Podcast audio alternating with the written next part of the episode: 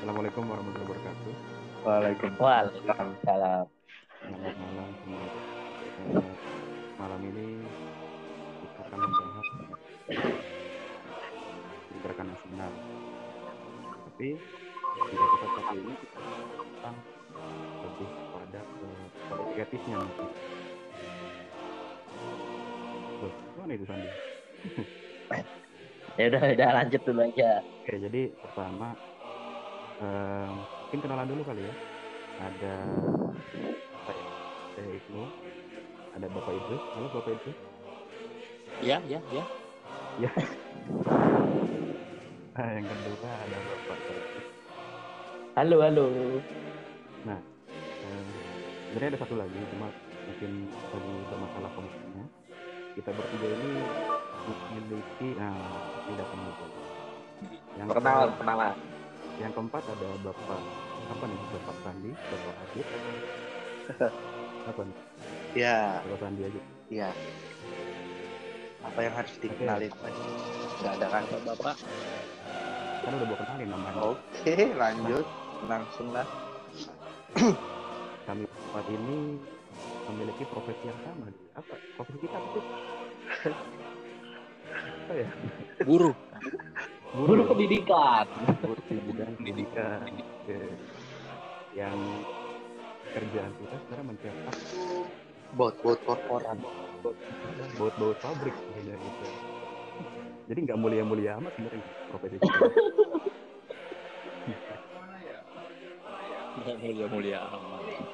Iya. Ya kan angkat. ya eh, untuk mungkin saya lempar aja kepada ketiga audiens ini mengenai awal mula politik etis itu gimana sih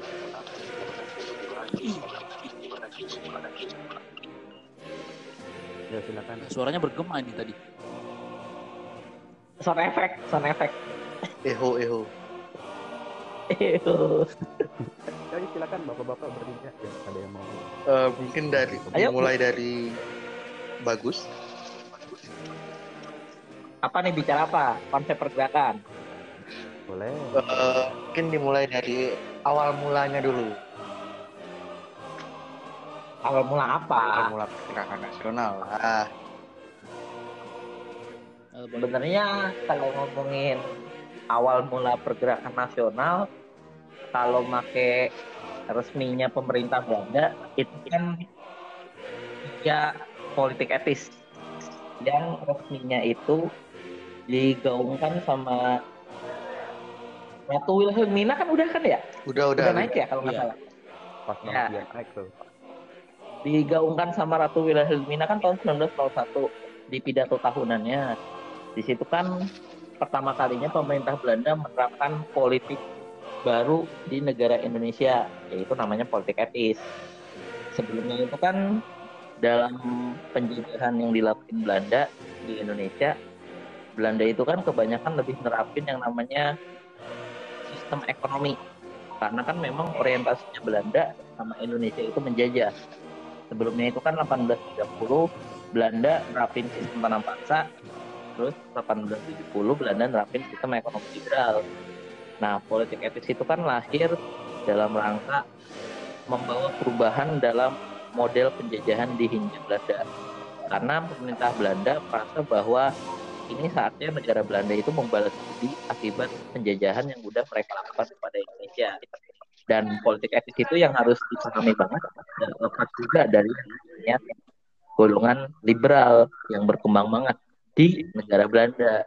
Jadi politik etis diterapkan itu berbarengan dengan berkuasanya kelompok liberal, kelompok yang menggaungkan kebebasan, kesetaraan, dan kemanusiaan di negara Belanda. Makanya Indonesia bisa ngedapetin yang namanya politik etis kan bicaranya tiga hal, edukasi, migrasi, sama irigasi. Itu aja dulu sih. Dari Bapak Sandi atau Pak Idrus nambahin? Coba Sandi dulu di jaringan gua agak putus-putus suaranya. Eh, Sebentar. nah, dari politik etis itu kan nanti eh, ada tiga hal ya tadi kata bagus. Eh, edukasi, irigasi sama transmigrasi ya. Iya. Halo? Ya, migrasi. Benar. Nah. eh, nantinya di bidang edukasi ini yang paling apa ya dalam dalam hal kesadaran kebangsaan itu yang paling bisa dibilang paling menunjukkan manfaat yang lebih positif lah gitu. Edukasi ini kan pendidikan. Yang tadinya rakyat-rakyat biasa ini agak susah untuk sekolah dengan adanya kebijakan edukasi ini walaupun awalnya orang-orang biasa ini sekolahnya cuma sebatas bisa membaca menulis huruf-huruf barat. Saya gunakan huruf-huruf barat karena pada Hmm. dasarnya orang-orang pribumi itu bisa membaca tapi ngebaca huruf-huruf eh, tradisional bahasa kawi huruf-huruf Sanskerta itu banyak banget yang pada waktu itu. Walaupun sebatas itu, tapi nanti ujung-ujungnya eh, mereka yang sekolah ini ada beberapa yang melanjutkan ke jenjang-jenjang pendidikan yang lebih tinggi sehingga mereka tercerahkan dan tercerdaskan berkat Nah, pendidikan. Lalu pendidikan. eh, semangat-semangat kesadaran kebangsaan dan lain-lain yang akan dilanjutkan lagi di pembahasan selanjutnya. Mungkin itu tambahan. Oke, Pak Idrus.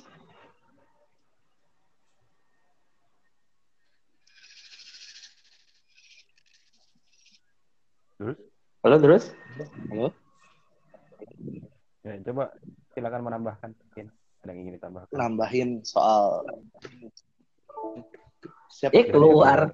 sinyalnya lagi jelek tuh. Ya udah. Oke, gini deh. Mungkin siapa? Eh, kalau menurut gua gitu ya, ada nggak sih sebenarnya ini pertanyaan gitu, ada nggak sih ada maksud tersembunyi di balik Belanda memberikan politik etis kepada Indonesia atau Hindia Belanda gitu ya, mengingat bahwa di kita memasuki abad dua pada saat itu memasuki abad ke 20 gitu kan. Eh 21 ya? 20, 20 dong. 20, 20. 20 sorry. 20. Iya, abad ke-20. Mengingat di abad awal abad ke-20 itu produksi lagi sangat-sangat digenjot gitu. Makanya eh, Belanda ini menginginkan di Indonesia pribumi itu khususnya supaya bisa melakukan produksi sendiri gitu. Jadi nggak eh, berpaku kepada orang-orang Eropa lagi supaya bisa mandiri dan hasilnya pun akan diberikan ke Belanda. Ada nggak sih hal-hal seperti itu gitu? Maksud terselubung ya. Iya. Iya. Coba mungkin bagus atau Idrus? Idrus coba maksud terselubung politik etis. Maksud terselubung Ya ada Iya, nggak sih politik etis. maksud terselubung dari politik etis, penerapan politik etis?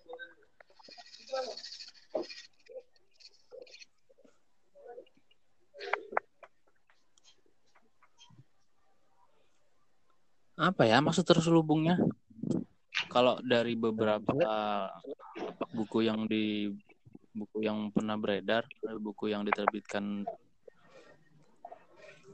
oleh beberapa penerbit, eh, tadi yang disinggung sama Sandi, sama Sandi, yang paling berpengaruh adalah edukasi. Awalnya memang eh, ada beberapa pihak golongan di parlemen Belanda yang ingin ya, menurut mereka sudah waktunya agar Belanda membalas apa yang sudah diberikan atau apa yang sudah eh, diambil Belanda dari Hindia Belanda.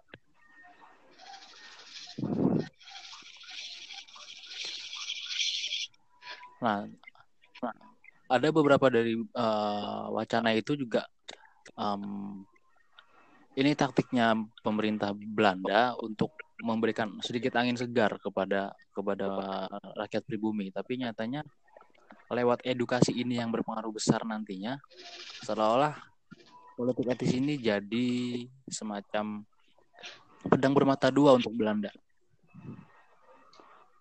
Karena lewat-lewat eh, timbulnya politik etis, khususnya di bidang edukasi, edukasi nanti akan menimbulkan kesadaran. Nah, kesadaran ini yang nanti akan memunculkan pergerakan nasional.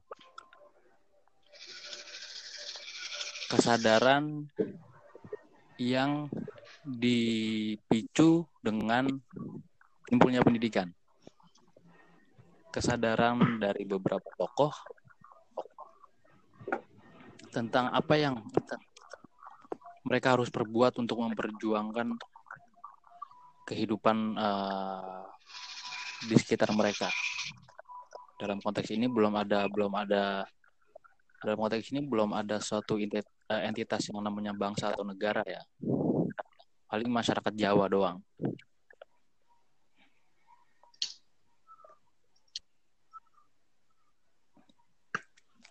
Jelas nggak suaranya tadi?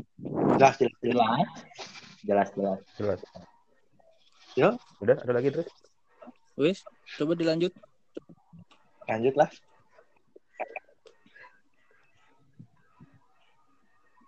mungkin itu aja dulu ya. Jadi ya, gue review sebentar. Oke. Okay. yang namanya politik etis itu adalah politik balas budi oleh Belanda kepada Indonesia atau Hindia Belanda disebutnya pada saat itu. Nah, ada tiga tiga sistem mungkin ya yang diberikan Belanda kepada Hindia Belanda yaitu satu irigasi, dua transmigrasi, ketiga yang paling penting yaitu adalah edukasi atau pendidikan.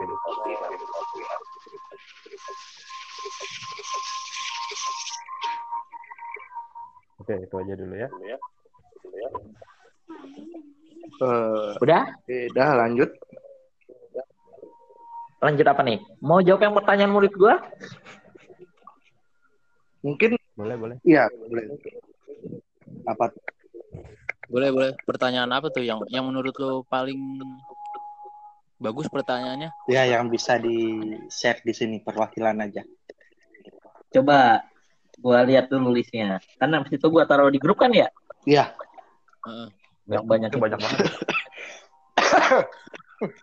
Sampai capek itu banyak. Yang sering bingung sama anak aja kali ya? Apa? Yang dibing yang sering dibingungkan. Ah, ya boleh. Apa tuh? Bingung, Tunggu, bingung semua. Apa tuh yang dibingungkan? Gue jadi bingung nih. Semuanya bingung. Mana tunggu? Nah, tunggu bentar gue baca. Bentar gue baca.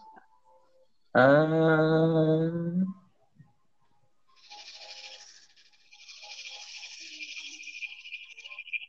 Itu suara A. Oh, ini ada yang nanya nih. Yang dimaksud hilangnya hubungan tuan dengan hamba itu apa sih, Pak? Nah, yang dimaksud hilangnya itu konteks apa? tuan dan hamba. Dari budaya nih dijawab nih. Ini kon Halo? Halo? Suara jangkrik tuh ya? Kamu lagi di mana sih kamu?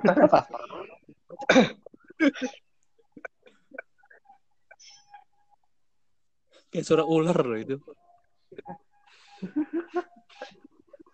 Oh, penghuni Ragunan lagi kabut. Jauh deh. Tan kedengeran Apa tuh? Ini hilangnya hubungan tuan dan hamba pada masa pergerakan nasional maksudnya apa? Ya, bisa kasih konteks gak? Maksud gue.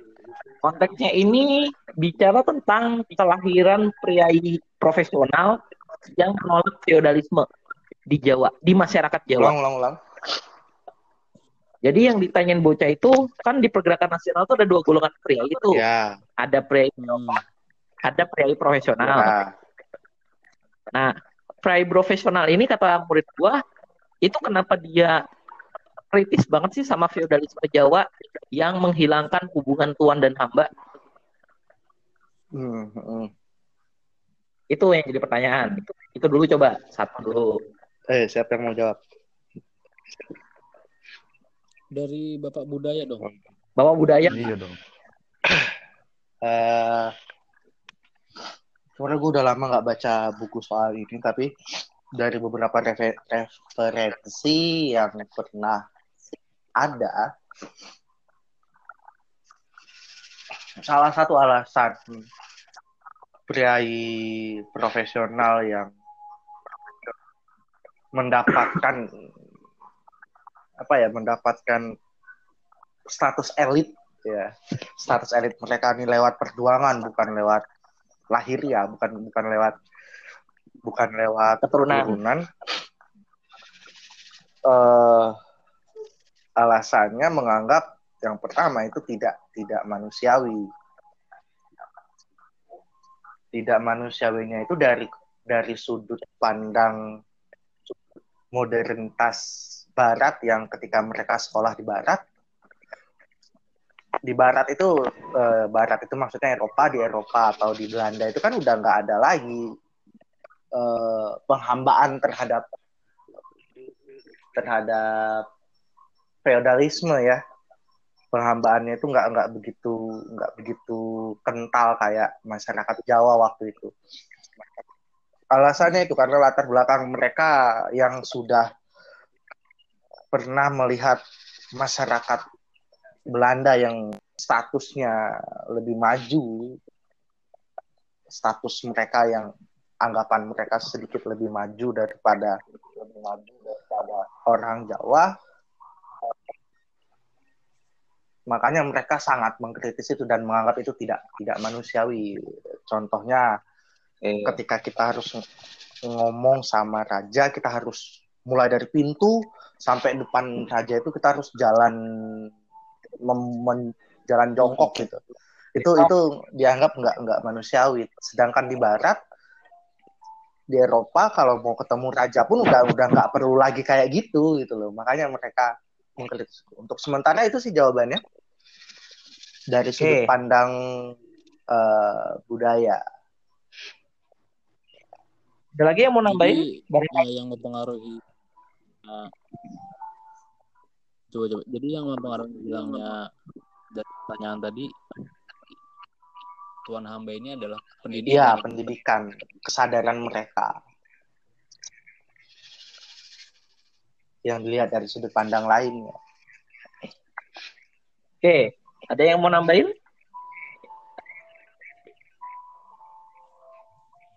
Mungkin gini ya yang dimaksud konsep tuan hamba itu tadi sistem feodalisme gitu yang feodalisme sendiri kan artinya kekuasaan berdasarkan kepemilikan tanah kan Ah, Ya, ya. jadi yang punya jadi yang punya tanah dia kuasa gitu tapi harus nah di Jawa dipisahin juga nih, kita harus hati-hati nih, bapak-bapak sekalian kalau ngomongin konsep feodalisme Jawa sama konsep feodalisme Barat. Eropa. Mm-mm. Tadi kan Iya. yang kalau yang eh, Ibnu sampaikan tadi itu itu konsep feodalisme Eropa. Eropa yang yang atas kepemilikan tanah. Tapi kalau di timur, di belahan dunia timur, feodalisme itu urusannya langit sama bumi. Nah, kurang lebih kayak gitu. Hmm. oke oke Oke. kalau tadi urusan langit sama bumi berarti bumi bu ya urusan langit sama bumi berarti si tuan ini ibaratnya titisan Ah, ya. dewa gitu kan. Nah sebenarnya nggak beda jauh gitu. Orang-orang yang, yang mendapatkan pendidikan ini menganggap bahwa eh, kok enak banget gitu dia yang diberikan eh, nikmat ya nikmat dari eh, dewa. Enaknya bisa nyuruh nyuruh Ah, kita gitu. Itu mungkin yang ada di pikiran orang yang udah terdidik atau yang di eh, yang diberikan Iya, benar.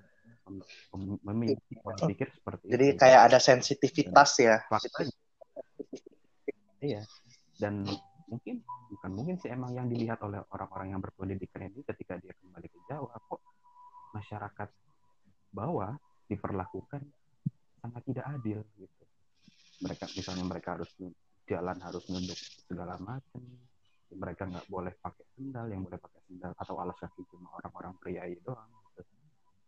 ini mer- merupakan sesuatu yang tidak adil gitu yang orang-orang terdidik ini lihat jadi di situ mungkin orang-orang yang berpendidikan Belanda ini memutuskan untuk menghilangkan sistem tuan Tuan dan hamba. tuan, tuan dan, tuan dan hamba seperti itu. Oke, udah.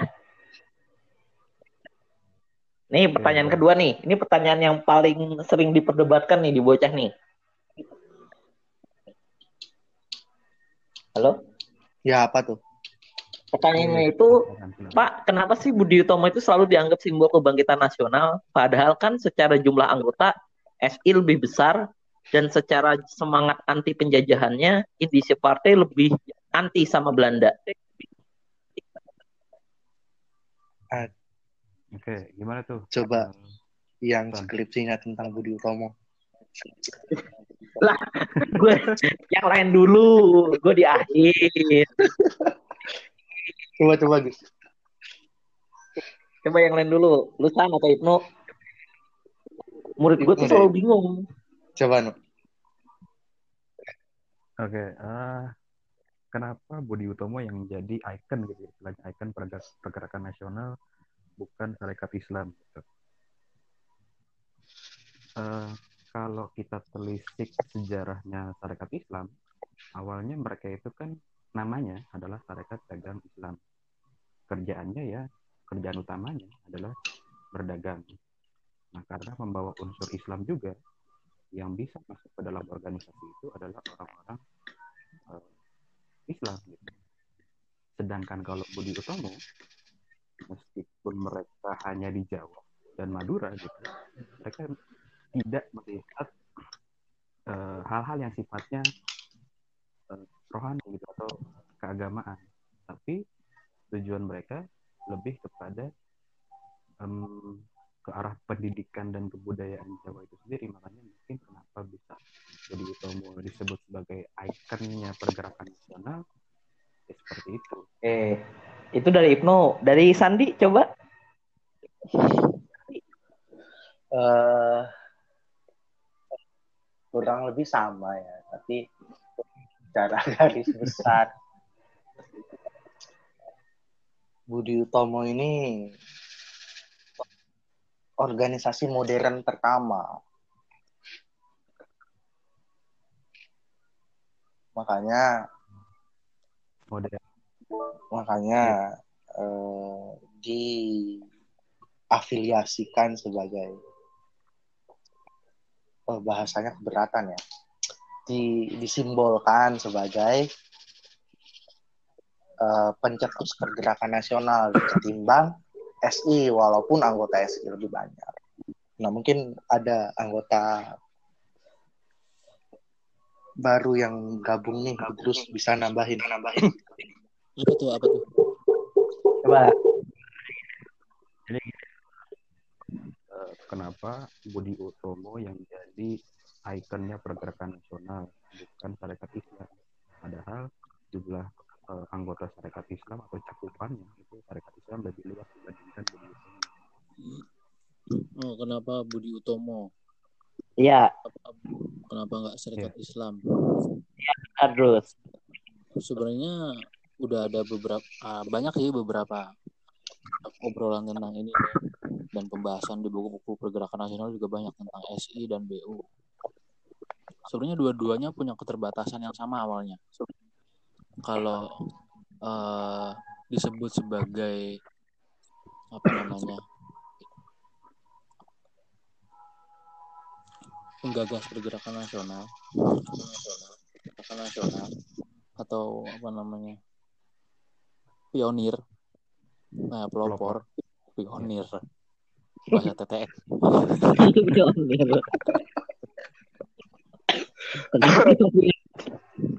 Kalau Budi Utomo kan keterbatasannya itu eh, hanya untuk kalangan eh, masyarakat Jawa atau orang-orang Jawa. Nah, Syarikat Islam juga awalnya kan sama. Dia diperuntukkan hanya untuk eh, kalangan Islam. Hanya untuk yang satu dua-duanya sama-sama untuk golongan tertentu. Tapi kenapa kenapa Budi Utomo mungkin ada eh, lupa lagi baca buku apa ya waktu itu. Di situ dibahas kalau kenapa yang diambil adalah Budi Utomo. Eh, salah satu alasannya adalah pendirinya adalah orang terdidik dari kaum kaum terpelajar yang tadi eh, pengaruh dari politik etis di bidang edukasi. Kemudian visioner mereka adalah untuk untuk mensejahterakan atau memajukan masyarakat di masyarakat banyak, tapi cakupannya hanya untuk Pulau Jawa saja waktu itu.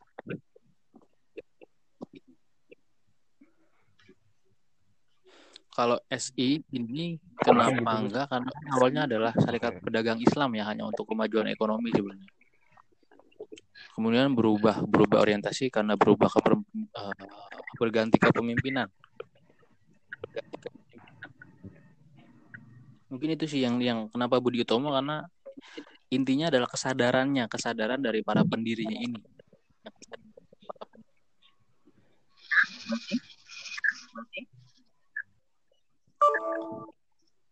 Mungkin ada yang mau nambahin? Udah, mungkin. Udah. Berarti mungkin paling gue nambahin sih sebenarnya ini mungkin yang masih dipusingin sama anak-anak. Mungkin anak-anak belum paham bahwa di pergerakan nasional itu bakal ada dua corak organisasi. Ada organisasi yang sifatnya itu elitis dalam arti organisasi ini punya tujuan yang apa ya bisa dibilang tujuannya itu lebih eksklusif dan lebih sering digerakkan oleh orang-orang terdidik. Sedangkan kalau ngomongin organisasi yang coraknya populis itu lebih cenderung organisasi ya yang penting pendukungnya senang. Organisasi ini kayak apa ya nggak punya idealisme lah dalam pemikiran hari ini bisa ngomong A besok ngomong B yang penting masa itu bakal terus tambah banyak. Masa itu bakal terus ada di belakang organisasi dia. Dan mungkin pendapat sama Idrus bahwa Budi Utomo itu yang pertama kali didirikan oleh kelompok elit modern orang-orang terdidik orang-orang yang sudah mendapatkan pendidikan barat cara pikirnya barat dan mereka bikin organisasinya pun secara struktur sangat modern barat banget, bukan struktur organisasi yang sifatnya itu ketimuran, ya, kayak Paguyuban atau Patembayan kayak gitu. Makanya Budi Utomo dianggap simbol kebangkitan nasional karena emang coraknya modern barat banget. Berarti orientasinya barat banget ya? Iya, orientasinya barat Iya. karena kan modernitas. Bicara modernitas itu selalu identik dengan kebarat-baratan. Ya, ini yang dalam Sampai hari ini ya. ya itu yang yang dalam cultural studies selalu dikritik. Iya, karena modernitas. Yuk lanjut. Udah. Satu lagi ya, terakhir. Satu lagi itu, oh bocah ada yang nanya nih. Pak, di tokoh pergerakan nasional itu kan ada kayak Cito, ada Sutomo, ada siapa lagi nih? Cito, Sutomo. Oh, kita dia ngambil contohnya Cito sama Sutomo. Mereka ini kan dua-duanya pendidikan barat, Pak. Tapi kok karakternya bisa beda sih, Pak? Hmm. Gua nggak Jadi yang ditanya Jadi yang ditanya adalah kenapa tokoh Cito dan Sutomo, Cito Mangunkusumo ya, sama Sutomo, dua-duanya ini kan dididik oleh sekolah barat. Ah, Tapi kenapa Cipto dan Sutomo yang merupakan sama-sama didikan sekolah barat punya karakter yang berbeda dan bahkan saling berlawanan satu dengan yang lain? ah, karakter. Wah, referensi gue tentang dua tokoh ini kurang banget nih. Coba Gus, bisa bisa nemu Ini kalau mau ini enggak karakter yang kayak gimana dalam dalam apa perjuangannya kah? Sebenarnya yang dibilang sih memang karakter doang, cuman mungkin gue mengartikan lebih ke arah perjuangan sih. Kan kalau kita bicara Cipto itu kan Cipto itu adalah orang yang benar-benar ngebangkang banget. Kalau Sutomo itu kan orang yang lebih apa ya, sangat moderat, sangat bisa berkompromi banget. Eh, Itu sih mungkin. Coba silakan Bapak-bapak. Coba silakan Bapak. coba Pak Ibnu mungkin coba Pak Ibnu kenapa eh, mungkin bentuk Iya, benar. berbeda Cito Sutomo. Cito itu latar belakang pendidikan dan pergaulannya itu ada di ranah ranah mana gitu. Kita lihat di sini juga bahwa ada yang namanya eh, pengaruh sosial gitu bahwa apa yang dia lakukan itu ya. pengalaman dia dan Kip- gue gak terlalu baca banyak Kipto kan soal mainnya Peterson, masih gitu. Jajar Dewantara, Dos Deker, gitu kan? Iya. orang-orang yang Iya. Iya, dan dan mungkin perbandingannya gini. Yang tadi dibilang Sandi, Sutom eh Dr. Cipto memang bergaulnya dengan orang-orang yang punya pandangan berani gitu ya. Dari segi pandangan, bersikap bahkan bertindak. Hmm. Nah, kalau Sutomo ini mungkin bisa dilihat eh, pergaulannya dengan orang-orang elitis dan nantinya eh, orang-orang di sekitar Sutomo ini yang ada beberapa yang termasuk anggota Volkskrad, yang kooperatif dan dan bisa berkompromi dengan pemerintah kolonial. Ya nggak sih kalau nggak salah Iya. dari latar belakang keduanya. Iya latar belakang mainnya kan, teman main. Ya mungkin kan secara nggak langsung mungkin anak-anak nggak paham tentang yang namanya konsep bahwa manusia itu dibentuk oleh pengaruh sosialnya kali ya sampai jadi nanyain hal kayak begitu. Ah bisa jadi. Iya. Itu Iya. faktor nggak masalah sih tapi itu Tapi harus ditekankan ya pengaruh lingkungan itu besar. Iya. Kesadaran anak-anak pemahaman tentang watak seseorang itu harus tahu banget lah bahwa lingkungan itu mempengaruhi watak juga. Di sini letak perannya, peran pentingnya ilmu sosial. Oke. Ada lagi? Eh, tuh sebenarnya kemarin itu gue nge-share podcast yang kita tentang udah lama. Ada Nah, banyak sih pertanyaan dari anak-anak Hmm. gue. Mungkin nanti lain kali bisa kita ulas kali ya. eh boleh. Iya. Sesi khusus tanya jawab kali ya? Iya mungkin anak-anak. Ya udah.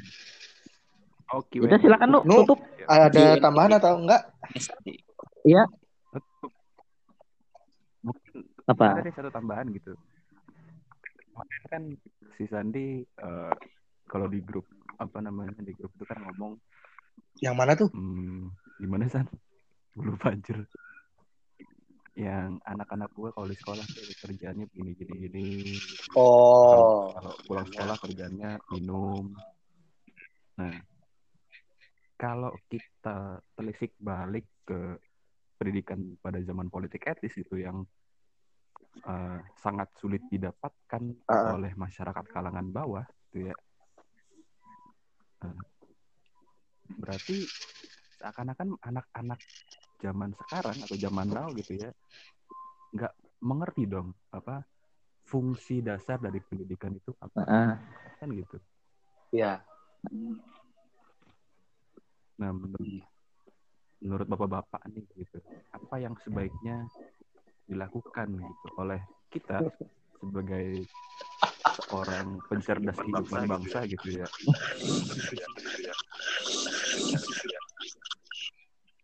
Untuk mencegah hal-hal tersebut terjadi. Oke, siapa dulu yang jawab? Tuh pakem banget. Terus? Apa? Pakem. Idrus. Oke, jadi gimana ya untuk pesan-pesan Iya, moral nih ceritanya. Ah, Ya, ya. Ceritanya. Menurut eh, gua sih pertama ilmu pengetahuan itu derajatnya tinggi.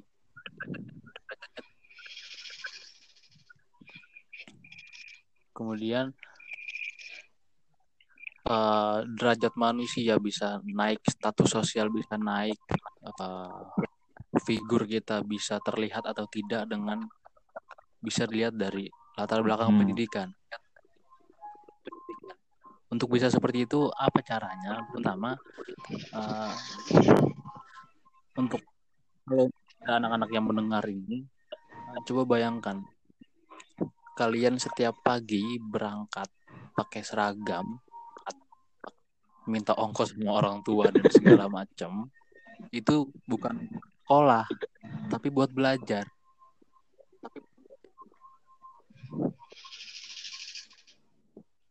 Karena dengan pendidikan kalian bisa memajukan hidup kalian sendiri, hidup kalian, hidup keluarga kalian dan hidup orang-orang nanti di masa depan kalian. Cintai dulu belajar, mau dulu belajar, baru kalian akan jadi orang yang terpelajar. Tunggu. luar biasa. Udah kayak politis. Udah, udah, itu aja nggak usah banyak. Udah kayak tokoh Gila, politis kalau-. Gue kalau denger Idrus ngomong tuh kayak Ya. denger Anhar Gonggong lagi ngasih kuliah.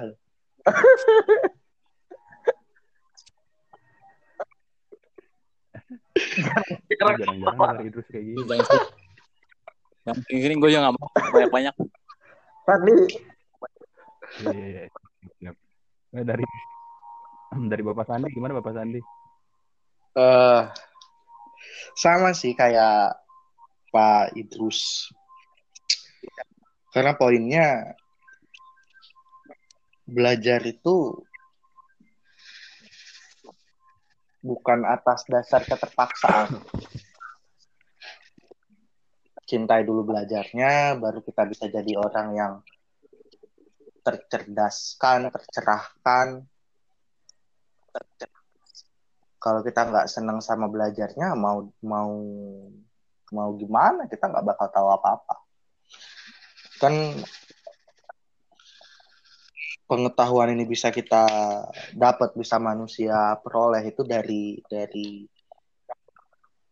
satu hal, rasa ingin tahu. Kalau kalau manusia nggak pernah tahu gimana caranya benda bisa jatuh dari atas ke bawah, kita nggak bakal bisa kenal dengan istilah apa gravitasi. Kalau kalau manusia nggak Ah, pernah iya tahu eh, apa tekanan gaya, kita nggak bakal bisa bangun jembatan. Manusia nggak bakal bisa bangun jembatan karena nggak nggak kenal gravitasi, nggak pernah kenal dengan istilah tekanan dalam ilmu fisika dan lain-lain. Manusia nggak bakal tahu apa apa penyakit ini tuh disebabin sama apa kalau kita nggak punya rasa pengen tahu. Kenapa bisa orang sakit ini kenapa bisa orang keracunan makan ini kan gitu. Itu semua diawali dengan rasa ingin tahu.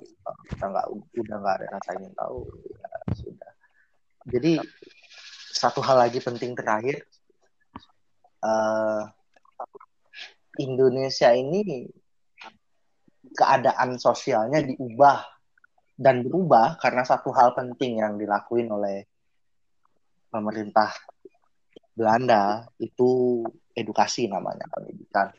Jadi kita masa sekarang bisa melakukan hal yang sama dengan mendidik diri kita sendiri dengan terjun ke pengetahuan kita bisa mengubah diri kita untuk masa depan. Jadi sama polanya nih. Itu aja sih. Heeh.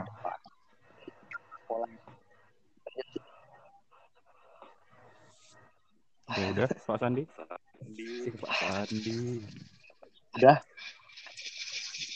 Oke dari oke dari Sebenarnya sama sih kalau gue dengan Pak Sandi dengan Pak Idrus hampir sama. Ya intinya ya bocah-bocah harus punya rasa senang buat belajar dulu. Tapi kalau gue sih ngelihat lebih basicnya adalah anak-anak harus ngelihat bahwa ketika dia mereka ketika mereka berangkat ke sekolah ada tanggung jawab gitu loh. Mereka bertanggung jawab bangun pagi-pagi, rela berangkat pagi-pagi, macet-macetan. Mereka datang ke sekolah itu tanggung jawabnya adalah ngambil sesuatu ilmu, bukan hanya memindahkan diri dari rumah ke sekolah. Kalau nggak ada rasa tanggung jawab kan ibaratnya lu ngapain bangun pagi-pagi buat berangkat sekolah, mending tidur aja di rumah, megang duit jajan buat modal jualan. Patokannya kan gitu aja. Tanggung jawabnya anak-anak tuh entah karena faktor kenyamanan atau apa pun itu kayak nggak ada tanggung jawabnya pisan ketika mereka sekolah. Itu sih dari gua. Oke. Ya tutup Ya, silahkan. eh, gue tutup ya. silakan. Oke oke. Eh, terima kasih kepada Pak Idrus, Pak Sandi dan Pak Bagus yang telah mengisi siaran podcast kali ini. Terima kasih. Sampai jumpa di podcast berikutnya. Selamat malam. Selamat malam. Gue matiin ya. Yo, thank you. Thank you, thank you.